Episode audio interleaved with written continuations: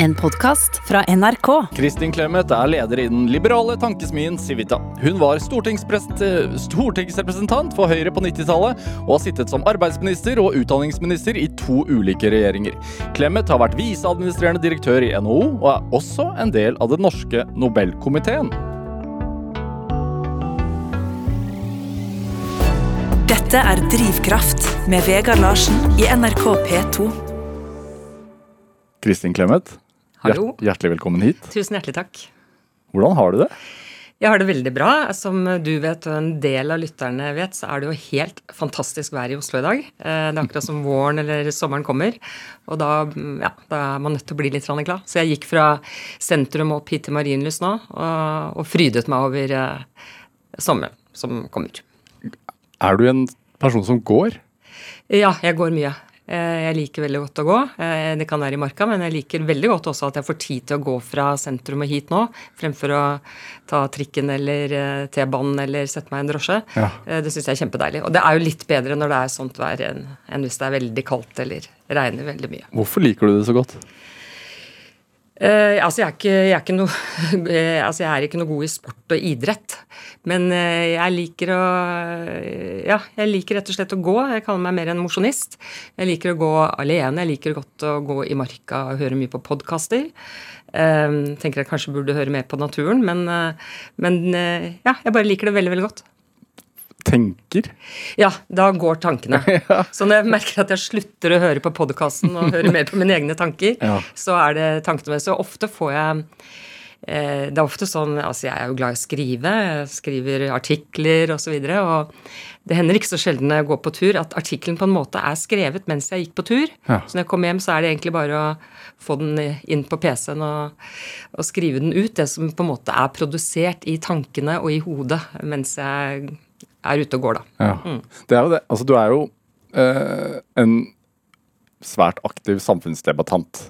Er man kan si det. Ja, det må vel være lov å si. Ja, både i artikkelformat, eh, debattprogrammer, på Twitter, ikke minst. Um, hva er det som skal til for at du merker at nå, det, nå må jeg mene noe om dette her?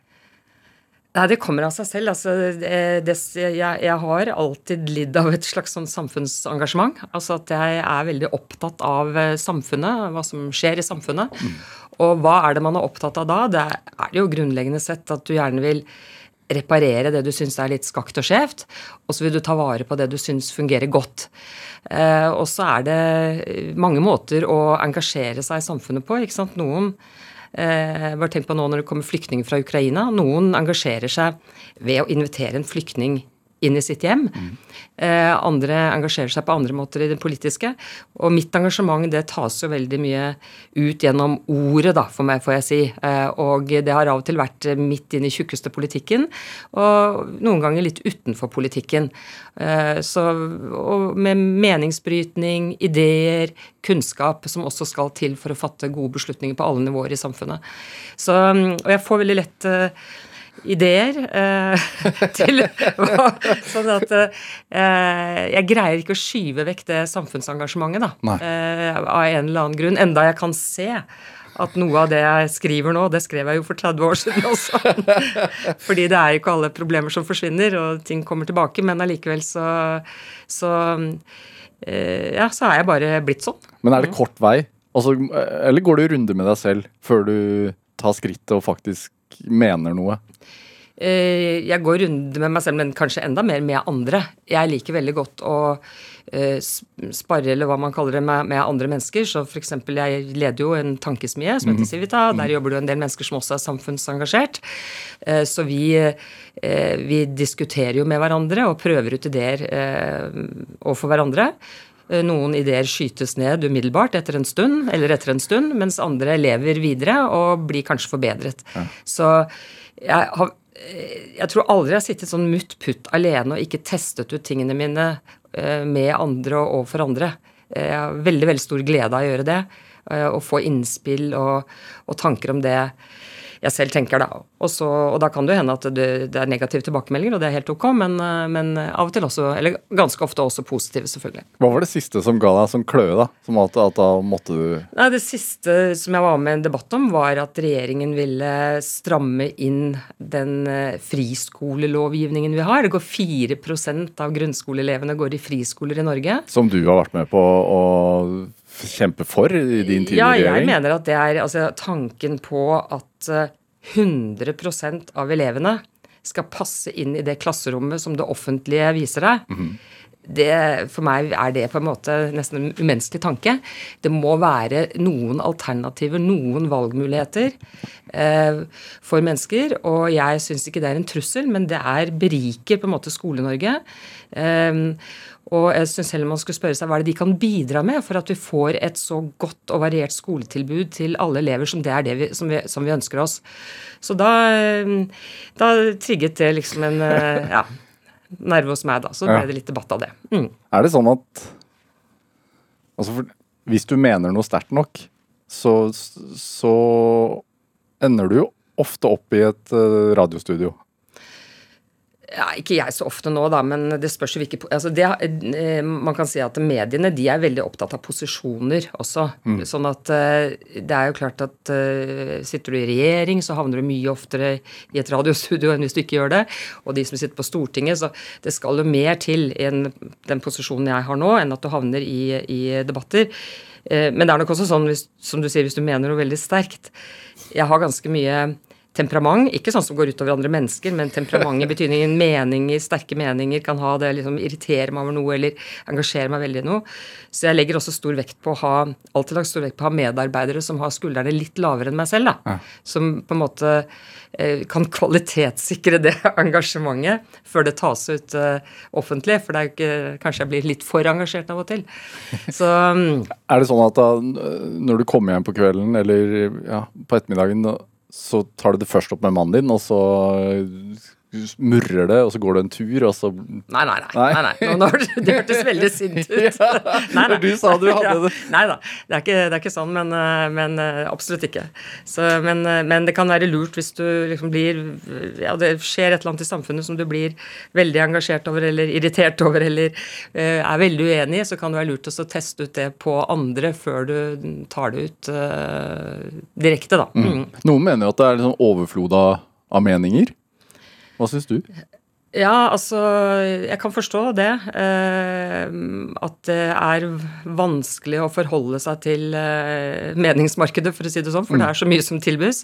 Det er som å stå foran en hylle i butikken ikke sant, med mange ketsjupsorter eller mange, eh, mange Så det kan jeg forstå. Men på den annen side, dette er jo en del av demokratiet. Det er jo sånn vi, vi bringer så å si samfunnet fremover. Mm. Med meningsbrytning, kunnskap. Nå kan vi si i vår tid så er det mye som ikke bringer oss fremover, fordi det er mye falsk falske nyheter, mm. eh, mangel på tro på kunnskap osv., som ikke er, eh, ikke er bra. Men meningsbrytning Jeg har jo grunnleggende sett tro på at åpen debatt, det å greie å vide ut rommet for liksom det tenkelige, eh, altså strekke det litt, grann, sånn at ikke alle er i midten og ikke tør å, å tenke videre tanker. Der kunne vi vært flinkere. Eh, at ikke alle er liksom i midten, det tror jeg er veldig bra for, eh, for, eh, for samfunnet, for å finne gode løsninger, da. Dette er Drivkraft med Vegard Larsen i NRK P2. Og i dag er leder i Civita, Kristin Clemet, her hos meg i Drivkraft på NRK P2. Jeg vet jo at du er veldig glad i å skrive lister? ja. Det, altså jeg skriver huskelister, tenker du på? Ja. ja, ja det gjør jeg. Ja. Eh, fordi eh, Så det er en Jeg bruker fortsatt en god gammeldags almanakk. Det sånn går jo raskt. Filofax, ja. ja fordi, det, går, syvende, går, sans. Ja. For det går jo raskere enn de som skal finne frem alt på mobilen, har jeg lagt merke til. Så jeg bruker almanakk. Og så har jeg små sånne notatbøker hvor jeg skriver ned alt jeg skal huske. Som kan være? Det kan være alt fra noe jeg skal handle noe jeg skal ordne til jeg skal ha et selskap, noe jeg trenger, til ting jeg må gjøre på jobben. Til, ja, altså, det kan være hva som helst. Så, mm, så, det er bare en vane eller uvane jeg har fått. sånn at jeg, jeg går sjelden også mm, altså jeg, jeg, pleier å si at hvis jeg ikke skriver det opp, så husker jeg det ikke. Så jeg skriver det opp. Men stemmer det, da? At jeg ikke husker det? Ja. Hvis jeg ikke skriver det opp? Uh, ja, det tror jeg. Ja. jeg tror jeg lettere glemmer det, i hvert fall. Men er du strukturert? Uh, ja, Ja. det tror jeg jeg vil si at jeg er. Er det en vesentlig egenskap å ha, tror du? I, i, i, forhold til det yrket du har valgt deg, altså den veien du har valgt deg? Man behøver ikke være Man kan godt være også hvis man er, jobber i en tenketank, kan man godt være litt sånn ustrukturert og kunstnerisk og sånn, så vi tenker på litt rotete forsker, vet du. Så det kan, kan godt være sånn også. Ja. Men eh, i og med at jeg Det passer meg best eh, å ha sånn noenlunde kontroll over hva jeg skal gjøre. Jeg husker jeg ble medlem av Syse-regjeringen. Det er ikke så mange, dette er langt tilbake. Og da mm, husker jeg Jan P. Syse sa da vi skulle inn i regjeringen det første møtet vi hadde, så hadde han to råd til oss. I dag får man flere råd, eh, men eh, da hadde han to råd. Det ene var at vi skulle ta tran. Og det, og det andre var at vi behøvde ikke ha gjort alt som lå i den såkalte innboksen, for da kom jo arbeidet ble lagt i en boks ikke sant, med, på papir. Ja. Vi behøvde ikke ha gjort alt som eh, lå der, men vi måtte vite hva som lå der. Vi skulle ikke gå hjem fra jobb uten å vite hva som lå der. Det var de to rådene han hadde til oss. Og det siste det minner meg litt om meg selv nå, fordi at jeg vil gjerne vite hva jeg skal gjøre. Altså jeg, ikke, ikke Den følelsen av å miste kontroll, at jeg ikke har oversikt over det jeg skal gjøre, det liker jeg ikke så godt. Og så er jeg jo leder av organisasjonen, og det pålegger jo meg da et litt større ansvar for å ha litt mer systematikk, kanskje. Ja, Hva er det? Altså, hva, hva er en tenketank, egentlig? Det er kanskje det, det, det Får du ofte det spørsmålet? ja, jeg, altså det står jo ikke noe sted hva det er. Altså det står jo ikke i loven. I loven så står det hva et universitet er, men det står ikke hva en tenketank er. Så jeg har laget min egen definisjon og sier at det er en arena for utvikling og formidling av kunnskap og ideer på viktige samfunnsområder. Og det vil si Ja, Det vil jo si at det, det finnes mange tusen tenketanker i, i verden, og de største, som man finner i USA f.eks., de minner om det vi i Norge ville kalle et forskningsinstitutt. Og hvis det kommer en amerikaner til Norge, så vil han kanskje peke på NUPI, Norsk utenrikspolitisk institutt, og si at det er en tenketank. Men vi kaller ikke det en tenketank. Så det er alt fra litt store forskningsinstitutter til bitte små organisasjoner. Det kan være enmannsforetak i garasjen, så å si, som kaller seg tenketanker. Og um, det jeg liker å si at vi gjør altså Man kan tenke seg hvis vi skal fatte gode beslutninger i et samfunn, enten vi gjør det som bedriftsledere, som organisasjonsledere eller som politikere, så må vi ha kunnskap. Og i Norge så liker vi å si at vi fører kunnskapsbasert politikk. ikke sant? Vi tar, frembringer den beste kunnskapen vi har. Og så skal politikerne legge et lag med verdier på toppen, og så fatter man beslutninger. Og forskere de bidrar jo med Forskningen bidrar med kunnskap. Men det er ofte en ganske lang vei mellom forskningen, som kan virke for mange utilgjengelig, mm. det kan være, virke veldig teoretisk, virkelighetsfjern, og over til politikken, den dagsaktuelle politikken. Så vi befinner oss litt i grenselandet der, hvor vi oversetter litt, bygger mye på eksisterende forskning. Og oversetter det litt til det politiske. Så er, og bygger en slags bro mellom eh, forskning og politikk. Men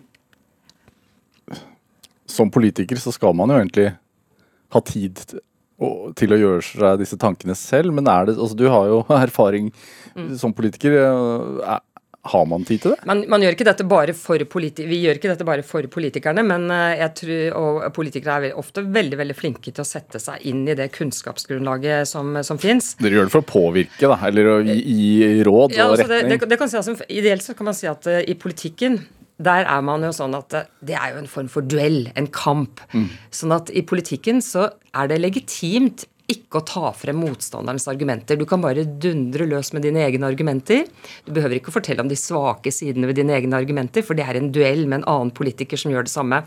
Går man til forskningens verden, så er jo det ideelt sett mer en slags dialog, hvor du skal løfte frem alle argumenter, pro et con, og liksom veie dem.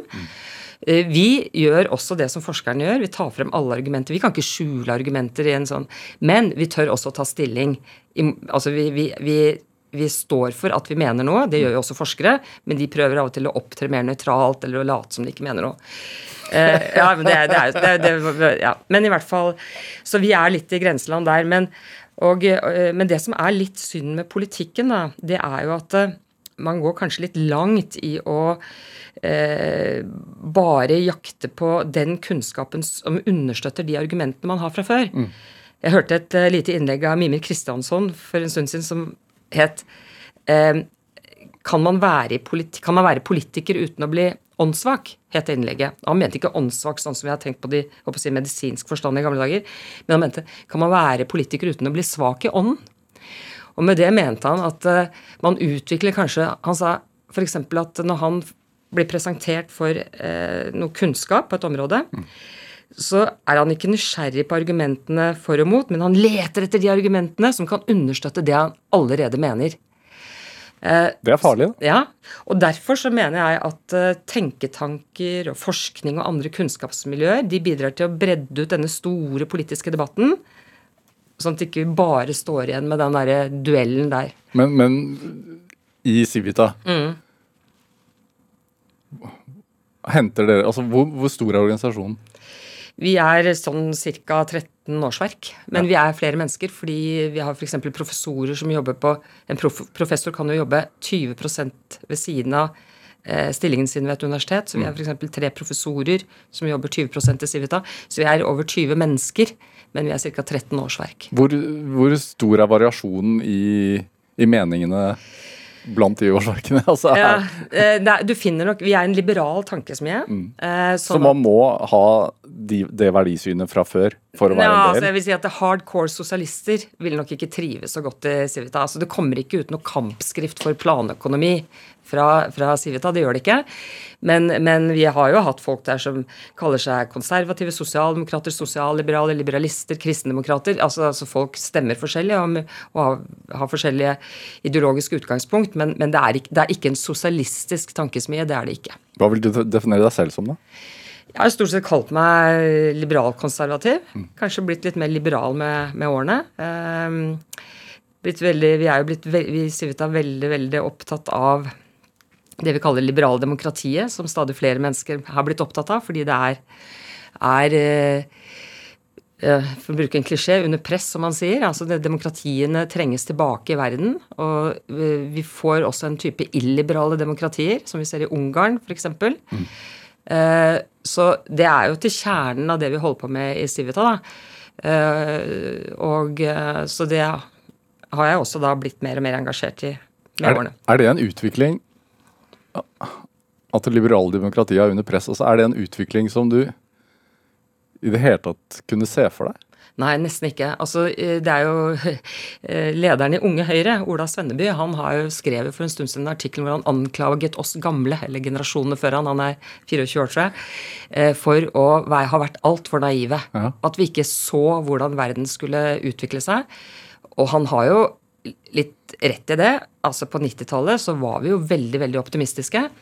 Og, Berlinmuren hadde falt. Ja, altså det var jo fantastisk. Jeg, altså jeg turte ikke å si det før for et par år siden, men jeg har liksom virkelig skulka jobben én dag, og det var ikke en hvilken som helst jobb, for jeg var statsråd um, i mitt liv pga. litt utagerende festing. Jeg må nesten si det rett ut, men det var den natten muren falt.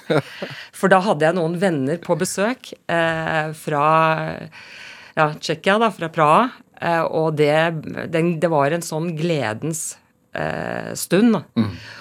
Og jeg trodde på 90-tallet, må jeg si det. Jeg trodde at Kina til slutt ville måtte bli et demokrati. Fordi de begynte å åpne opp og skulle lage noe som lignet markedsøkonomi. Mm. Så trodde vi det skulle følges. I verden i dag så ser vi jo ikke noen demokratier uten markedsøkonomi, men vi ser jo land som prøver å ha markedsøkonomi Jeg kaller det ikke markedsøkonomi, det er en form for kapitalisme eh, uten demokrati. Så det har jo ikke gått slik vi trodde og håpet. Det må vi jo bare si. Og så har vi fått denne utviklingen som også var vanskelig å se for seg, disse illiberale demokratiene og uh, hvis man, hvis, man, går og spør, gjør en meningsmåling nå og spør folk hva er demokrati, mm. så tror jeg jo veldig mange vil si at det er at flertallet bestemmer. Men det er jo ikke bare det.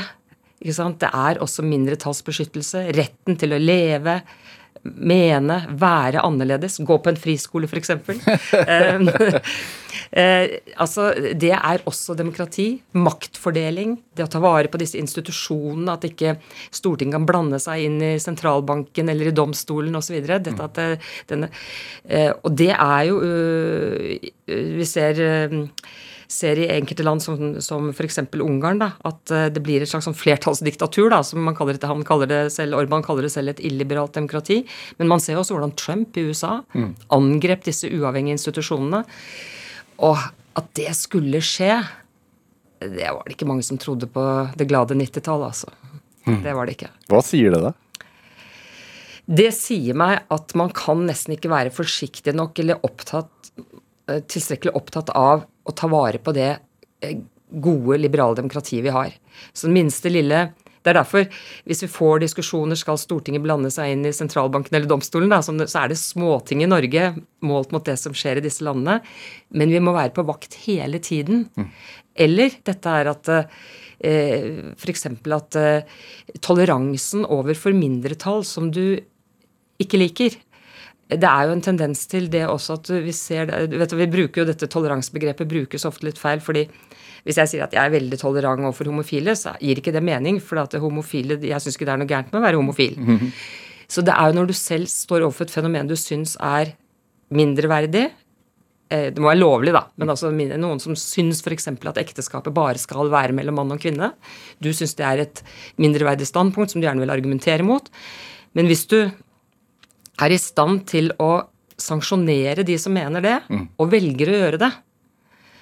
Det ser vi også eksempler på.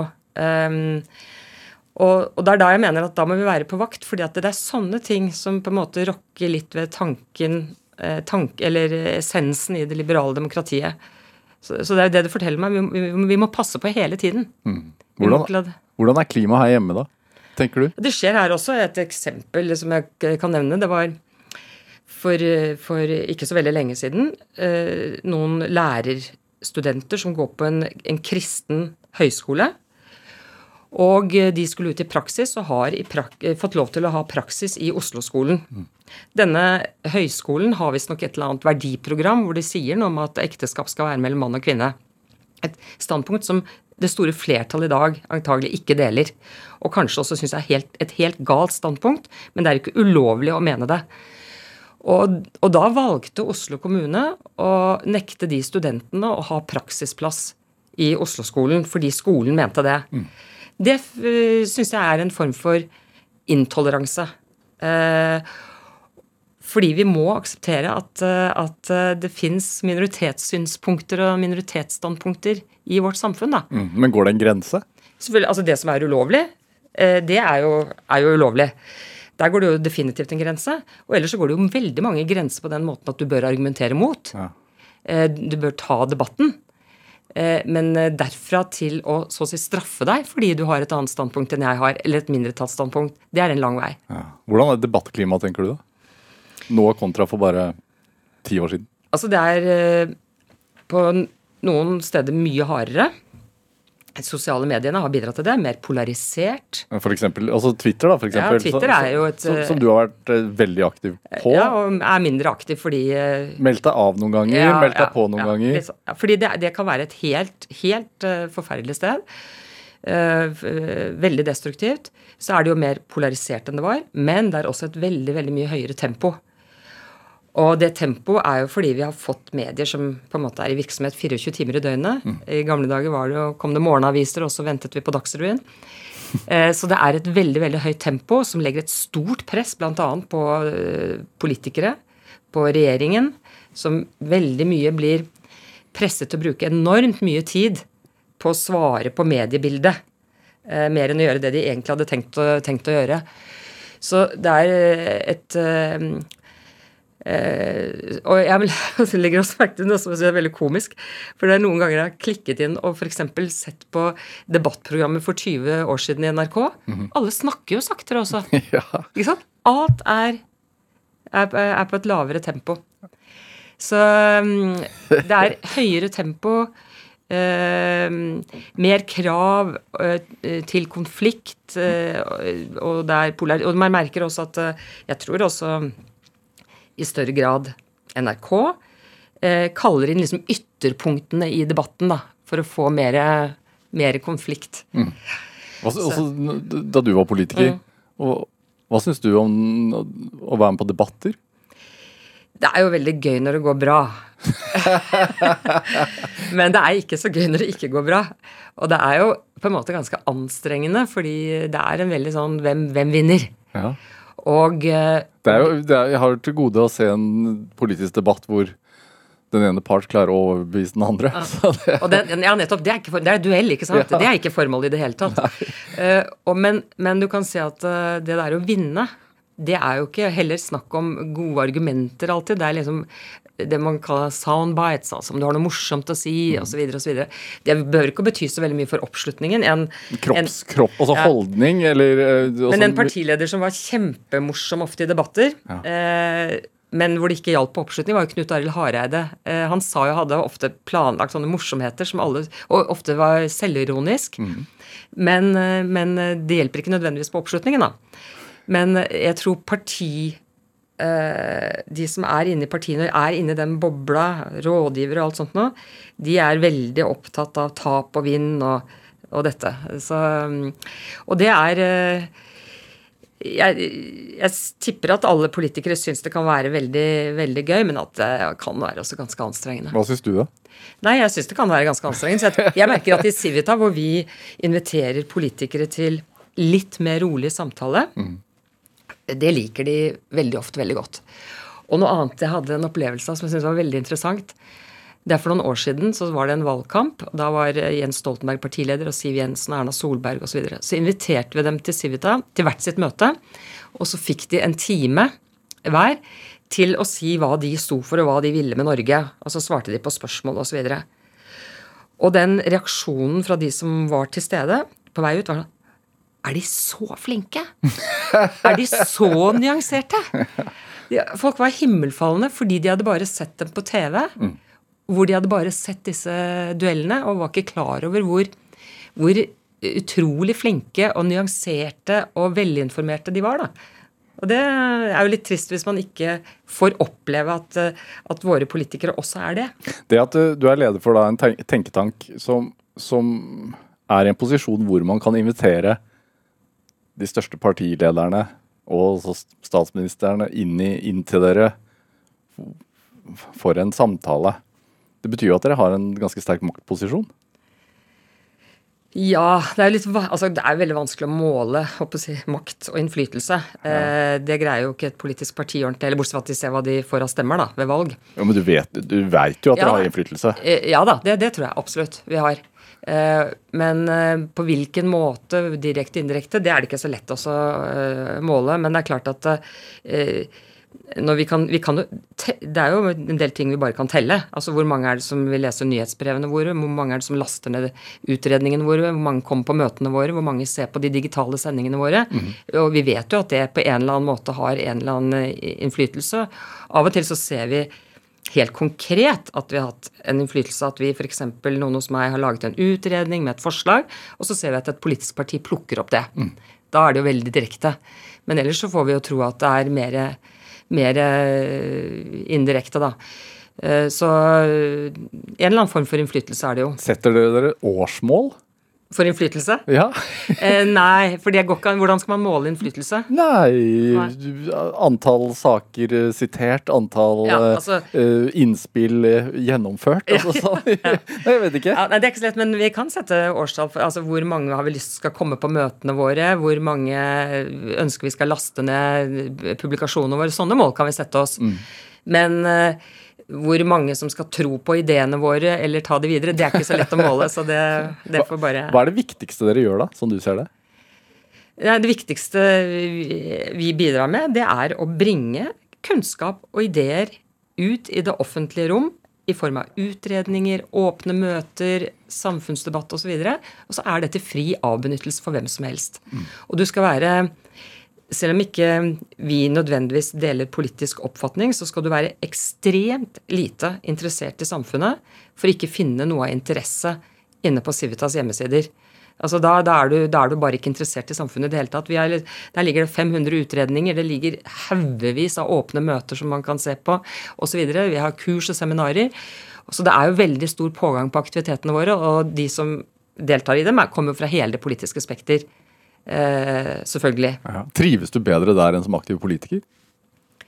Eh, Det tror jeg ikke jeg kan si, fordi jeg, er, er, jeg trives alltid der jeg er. Det er veldig merkelig, men jeg trives veldig godt der jeg er. Så jeg trivdes veldig godt som Men jeg tror jeg kanskje oppsummeringsvis har trivdes med å variere litt. Ja. Være litt inne i polit, ordentlig politikken og litt utenfor som jeg er nå. Og så slipper du å forholde deg til eh, det som står i partipolitikken, da. Du er jo fritt til å mene litt andre Civ ting. Civita har jo ikke noe politisk program. Eh, men det er det jo også med politikken, at hvis du er med der, så kan du jo være tilhørt et mindretall og bli nedstemt, men da hvis du er representant for det partiet, så skal du da følge programmet hvis du ikke har reservert deg.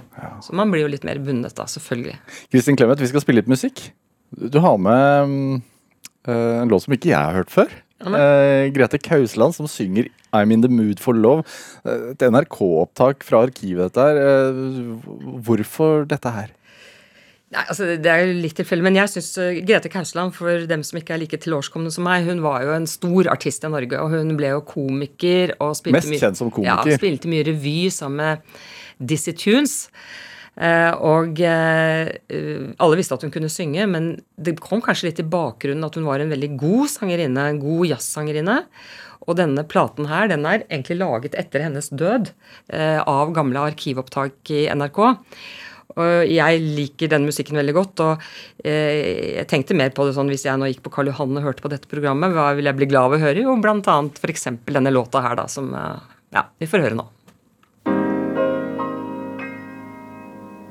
Why stop and think of whether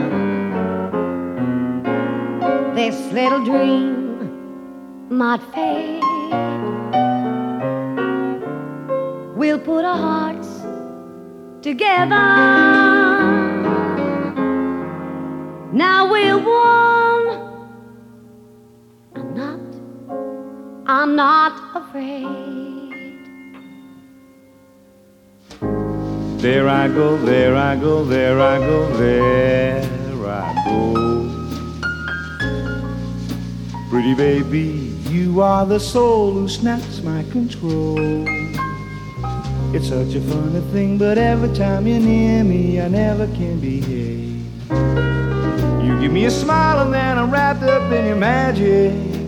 There's music all around me, crazy music, music that keeps calling me so very close to you. It turns me your slave. Come and do me anything that you want to, anything, baby, just let me get next to you. Am I insane or do I really see heaven in your eyes?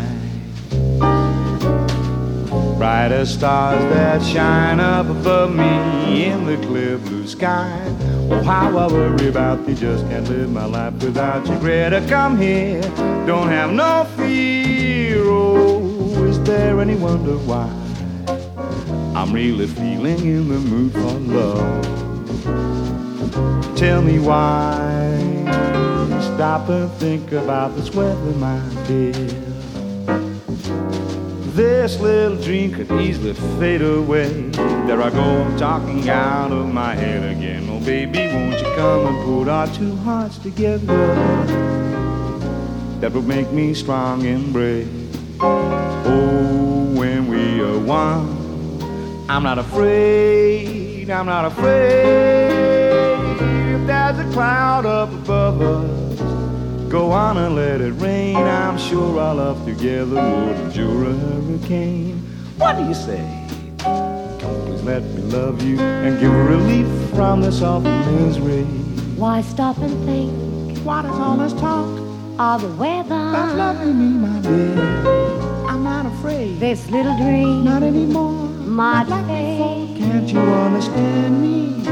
Greta, please. We'll put our hearts pull yourself together. Now we are one. Come on and take me, or be what you make me, my darling, my dear. If Greta, there's a I feel so good. Ja, Du fikk en smakebit eh, av Grete Kausland og Georgie Fame som synger 'I'm in the mood for love' her i Drivkraft på NRK P2. Valgt av dagens gjest her i Drivkraft, nemlig lederen for den liberale tenketanken Civita, Kristin Clemet. Jazz? Ja, jeg liker, jeg liker dette her. Ja. Jeg Gjør det. Så første gang jeg hørte denne, for den platen som sagt, den kom ut etter hennes død, og, og jeg husker jeg satt i bilen min og skulle akkurat gå ut av bilen, og så kom den på radioen. Og så tenkte jeg, hvem er det? Det er kjempebra. Ja. Så var det Grete Kausland. Men er du en romantiker? Eh, ja, litt, eh, litt, men kanskje ikke en sånn helt utpreget eh, romantiker. Det tror jeg ikke. Jeg har beina ganske godt plantet på jorda. Ja. Er det, hvor, hvor er du egentlig fra?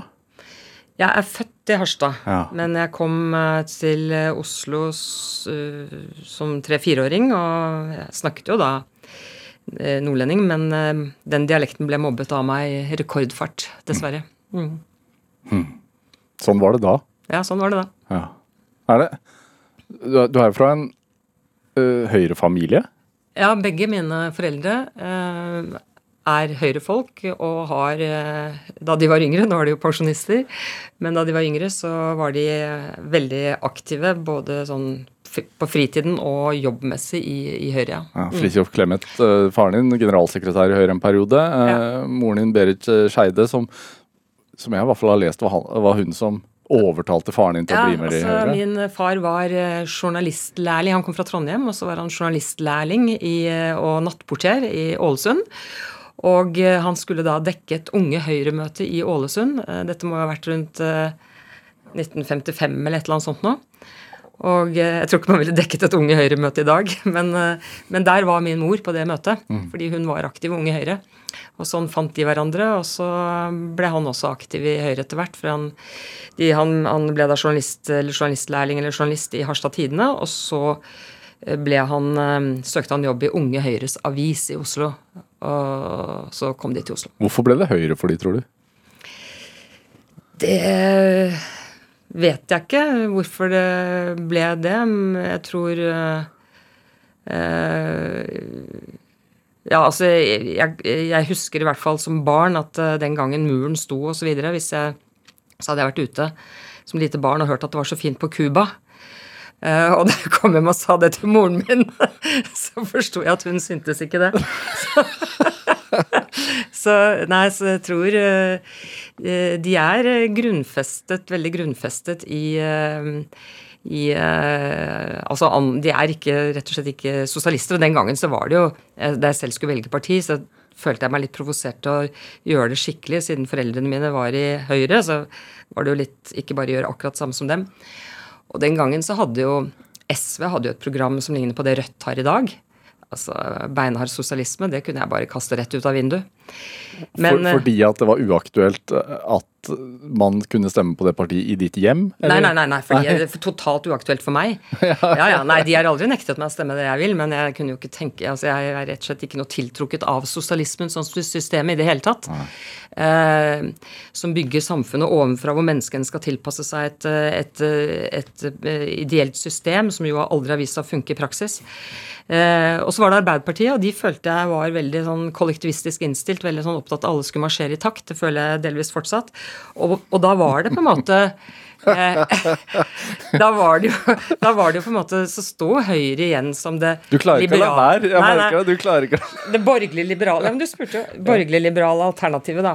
Og, eh, og, eh, så det ble det på, på meg også. Mm. var det, Hvordan var en vanlig søndagsmiddag hjemme hos dere? Da fikk vi Det hendte at vi kunne få kotelett. Husker jeg. Fordi det fikk vi ikke resten av uken. Men eh, nei, var, det var helt alminnelig. Det var ikke noe Altså, det eneste eh, Det var ikke eh, det er noen som kanskje har veldig sånne merkelige fantasier om hjem hvor foreldrene er politisk engasjerte. Om at de liksom hele tiden skal prøve å overtale barna til å mene det samme. Sånn, sånn er det jo ikke. Nei. Men det jeg kan si, er at jeg vokste opp i et hjem hvor det var veldig mye nyheter. Altså alle på, på radio, det var mye aviser. eh, Det var veldig engasjerte foreldre og, og eh, som alltid var ute på noe. De hadde verv, og hvis noen skulle gjøre noe på skolen, så meldte de seg. De meldte seg hele tiden på dugnader. Altså, så det, det var, jeg vokste opp i et veldig engasjert, engasjert hjem, da. Ja. Så du, du, du, du må lukke øyne og ører ganske kraftig for ikke selv å få litt inspirasjon eh, eh, når det gjelder samfunnsengasjement. Når begynte du selv å argumentere, da? Det tror jeg var veldig, veldig tidlig. Ja. Jeg eh, skaffet meg en sommerjobb, det var vel ulovlig, for jeg var elleve år. Så fikk jeg en eh, Så det var vel langt ikke lov, men jeg fikk jobb i Postgirokantinen. Eh, og jeg kan fortsatt huske at en av de gamle damene Jeg oppfattet dem som veldig gamle. De var mulig bare var 40 år, men altså jeg opplevde dem som veldig veldig gamle.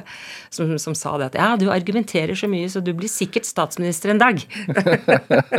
jeg ble i hvert fall politiker, da. Ja.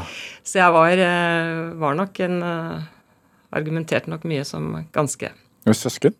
Ja, to søstre. Ja, hvor er du? Jeg er eldst. Du er eldst. Er typisk storesøster? Ja, det kan godt være. Ja. Ja. Hvor- Og hvorfor det? Altså, hvordan arter det seg? Ta, Jeg er, den, eh, er nok den som eh, liksom har den mest som, hva skal jeg si for noe, dominerende personligheten, som tar mest plass. Som jeg ikke alltid liker, men jeg tror det er riktig å si det. Ja. hvorfor liker du det ikke? Nei, det er, det er jo ikke alltid så sympatisk. Jeg tror hun yngste søsteren min, hun er ti år yngre enn meg. Jeg tror hun, eh, Det var noen som spurte henne hvorfor hun snakket mindre enn meg. Og da sa hun hun kom jo aldri til orde. Så, så, så, så det er jo ikke alltid så sympatisk. Ja. Men du har alltid, altså fordi, så vidt jeg forstår, så har du, du vært leder i elevrådet, speiderleder Ja. så, tatt, de pos, po, po, posisjonene allerede i en ung alder, da? Sånn ganske naturlig, antar jeg? Ja, altså jeg, jeg har vært, alltid vært eh, leder, så jeg, som, litt, som ung voksen så begynte jeg å tenke litt over det. Eh, hvorfor blir jeg det, eller hvorfor liker jeg det? Ja. Så, og jeg, jeg må bare si rett ut at jeg liker veldig godt å lede. Og liker å være leder. Hvorfor det? Jeg syns det er utrolig morsomt å nå resultater sammen med andre. Og, og prøve å få et fellesskap til å jobbe bra sammen. Og, nå noen resultater. For en bedrift kan det være et overskudd. For Civita kan det være å skrive, få til et bra notat eller at mange kommer på møtene våre. Det, resultatet kan jo være veldig mye forskjellig. Du skal lage gode programmer. Men det å jobbe sammen med andre og nå ledelse er jo på en måte å, å, nå resultatet sammen med andre. Eh, eller gjennom andre. Og det er eh, utrolig givende. Eh, jeg har engasjert meg en del også som politisk ledelse. Det å være statsråd, f.eks. Det som skjer da, da blir du leder i et departement. Det vil si at det står noen hundre mennesker og venter på deg, og er beredt til å gjøre sitt ytterste for at du skal gjøre det bra. Hvis du da er en dårlig leder, så risikerer du å kaste bort de ressursene. Fordi de ikke vet hva de skal gjøre, du greier, ikke å spille på dem på en god måte. Eh, skaper kanskje mistrivsel. Så får du ikke utnyttet det. Hvis du er en god leder og er deg bevisst at du skal være leder, så kan du få utrolige ting ut av alle de menneskene som står klare til å hjelpe deg. Og de kan også ha det mye, mye bedre på jobb enn de ellers ville ha det. Og det er jo en veldig sånn inspirerende tanke. Så, så det å lede er jo dels å prøve å nå noen mål, da. Eh, Men, eh, men det er jo også da å skape et godt arbeidsmiljø. Men hvordan skape engasjement, da? Det tror jeg man gjør eh, gjennom forhåpentligvis å være en litt inspirerende leder. Altså uinspirerende folk er jo ikke så inspirerende. Så inspirasjon Men hvordan er man det? Er det for å altså, ja, det, det- Jeg tror at det er veldig viktig å involvere folk og informere folk. Altså Jeg har veldig liten tro på eh, at du kan lede folk på en god måte hvis ikke du har informerer og involverer de du leder, mest mulig. Så jeg har i hvert fall den filosofien at jeg skal informere absolutt mest mulig, og være åpen om mest mulig, og ta med flest mulig eh, i eh, arbeidet, også det, det som eh, jeg skal gjøre. Så jeg tror det, det, det er eh, Ja. Altså Jeg kan ikke tenke meg noe mindre inspirerende hvis du f.eks. jobber et sted, og så skal du i et eller annet selskap på lørdag, og så spør noen deg om hva driver Civita med for tiden, og så vet du det ikke. Altså, det er, det er viktig at man, eh, man er så At man føler at man er med i et sånt fellesskap, da. glede seg til å gå på jobben? Ja, det er jo Man kan ikke regne med at. Ja, Man kan jo ikke regne med at alle mennesker skal gjøre det. Det er klart det er mange mennesker som jobber i, primært for å skaffe seg et eh, utkomme, og som kanskje syns det er slitsomt og sånn. Men veldig mange mennesker i et land som Norge, de har det ganske bra på jobben.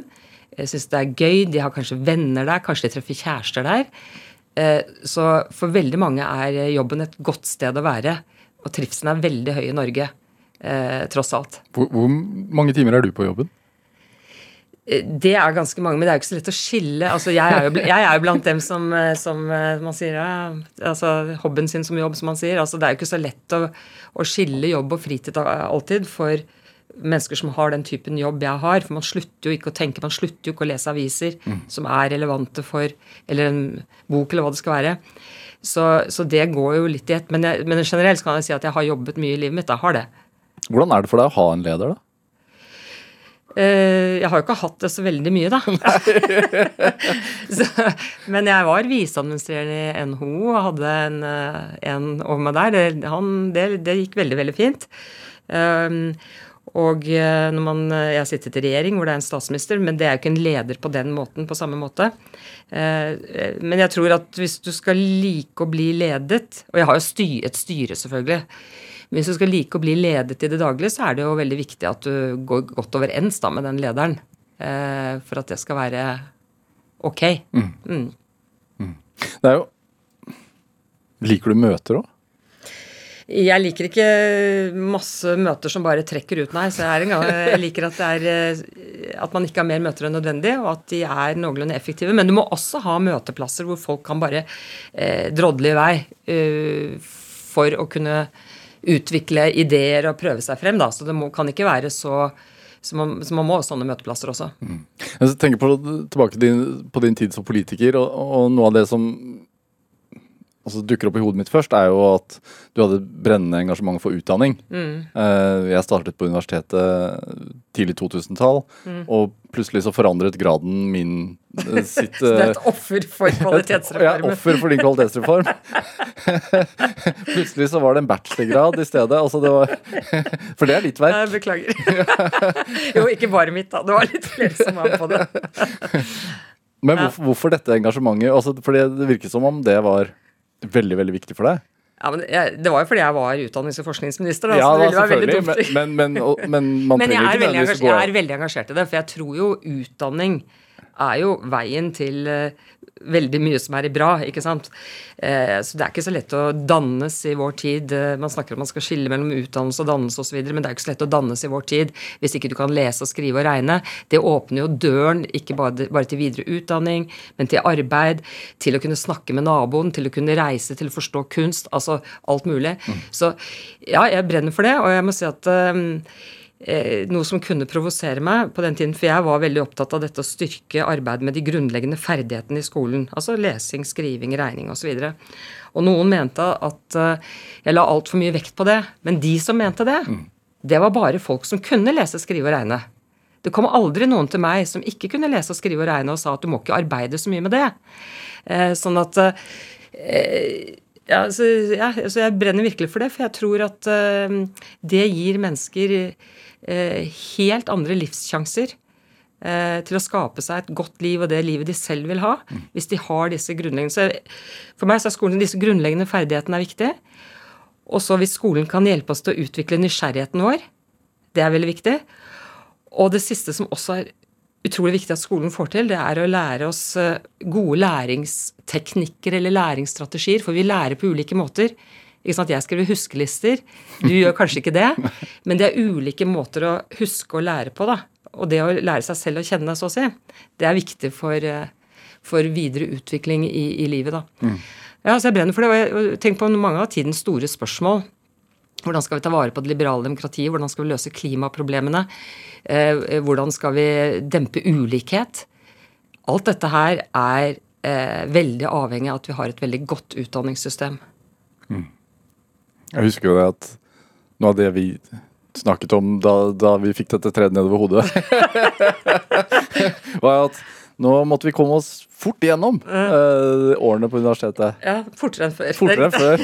Ellers så fikk vi svi. Nei, for det var jo et problem, vet du, at uh, jeg tror Kunne ikke gå og sulle på universitetet og ta fag etter fag lenger. Nei, riktig. Sånn at um, det var uh, veldig mange som falt av, og som brukte veldig mange år. Eh, så det var jo et forsøk på å gjøre noe med, med det. Og det, bare for å si det, det var ikke bare jeg som det, Stortinget var med på det, for å si det sånn. Og det skjedde jo lignende ting i hele Europa. Da. Også for at man skulle kunne ha litt mer sømløse overganger mellom land og studere ute ikke sant, en periode osv. Så, videre. så Ja. Det å bevare nysgjerrighet Ja. og, og engasjement, må man jobbe for det? Uh, jeg vet ikke hva jeg skal si. Altså, eh, man må vel eh, lese litt og lytte litt til andre. Altså, jeg tror ikke jeg kunne, Man kan ikke opprettholde et engasjement uten at man får noe inspirasjon fra et sted. Så man må høre på andre, lese andre osv. for å få den inspirasjonen, tror jeg. Det kommer vel ikke helt sånn fra ingen, ingen steder. Men Jobber du aktivt for det? Jeg kaller det ikke jobb, men jeg hører jo, jeg hører jo mye på eh, NRK, hører på podkaster, møter, debatter, eh, leser bøker, eh, leser aviser. Altså det er jo sånn det, sånn det kommer. Du vokste jo opp i et høyrehjem eh, og valgte jo den veien selv. Mm. og i hvert fall ett av dine barn har jo gått i dine fotspor. Hvordan har det vært eh, hjemme hos dere? Uh, ja, jeg Har har hadde det vært greit å stemme SV der? Ja da, altså Nei, det hadde det ikke. Nei, men altså det Nei, vi, vi, vi vet jo ikke hva alle barna stemmer, men vi rei- Nei, men jeg skrev om det en gang. Altså, det, det, er jo, det er jo veldig interessant også, det der med hva, hva er Vi snakker så mye om behov for mangfold i vår tid. Og vi, vår familie, utover akkurat kjernefamilien, men vi, er, vi klikker inn på alt som heter mangfold. Med hudfarger og religioner og funksjonshemmede og ikke-funksjonshemninger og, og homofile og heterofile og alt mulig. Altså, vi, vi ville liksom være det perfekte offentlige utvalg hvis du tar, tar min familie. Bortsett fra Men hva hjelper det hvis alle stemmer Høyre for EU? For det er, mangfoldet sitter jo egentlig mest inni hodene våre, og er ikke så mye på, på utsiden. Nei, det, det er en, vi, vi har til sammen fire barn, og der et, et av barna er eh, engasjert i politikk, og det er da tilfeldigvis Høyre. Men hvilke verdier har vært For når man får barn, altså, så, så tenker man jo sånn at man skal gi dem trygghet, og, men også noen gode verdier. Hvilke, hva, hva, hva har vært dine Nei, altså, jeg vil jeg, vi har- vel ikke akkurat eh, indoktrinert det, men, men det er klart at uh, altså eh, at uh, man må ha sitt eget moralske og etiske kompass i orden og liksom ha høy grad av integritet. Kongen sa det jo sånn en gang, eh, jeg tror han siterte et barn som hadde skrevet til han, at det var om å gjøre å stå oppreist inni seg selv. Og det å kunne se seg selv i speilet, eh, og det, det, det er jo viktig. Eh, Ellers så tror jeg jo sånne politiske verdier som man snakker om frihet, trygghet, likhet og sånt, og det, det tror jeg politikere fra hele det politiske spektrum kan snakke om. Men så er vektleggingen litt forskjellig, da, avhengig av hvor du, hvor du står. Du er, eh, du er troende. Jeg tror på Gud, men jeg er klart i den uh, kristen light-avdelingen, for å si det sånn. Uh, men jeg, jeg, jeg tror at uh, mennesker har åndelige behov, da. Og at ja, For meg så virker det helt umulig å ikke tro på noe, ikke lene seg til noe som er hinsides oss selv. spesielt i, i vanskelige situasjoner tror jeg det er veldig vanskelig. Og så ja, jeg tror på Gud. I, hvorfor gir det deg en styrke?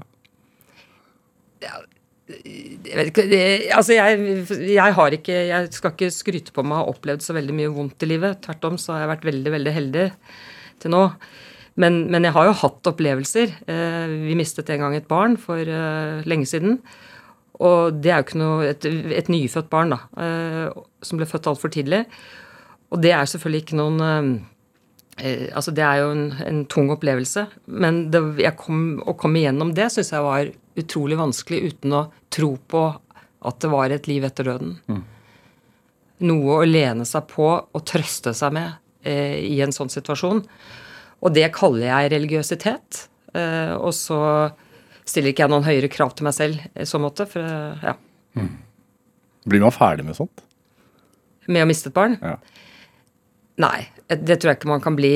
Men man eh, Det, det som jo mennesket, eller vi, blir overrasket av gang på gang, det er jo Hver dag er det jo mennesker som har, lider store, store tap, og man tenker er det mulig å gå videre? Og så viser det at det er jo mulig å gå videre for de aller fleste.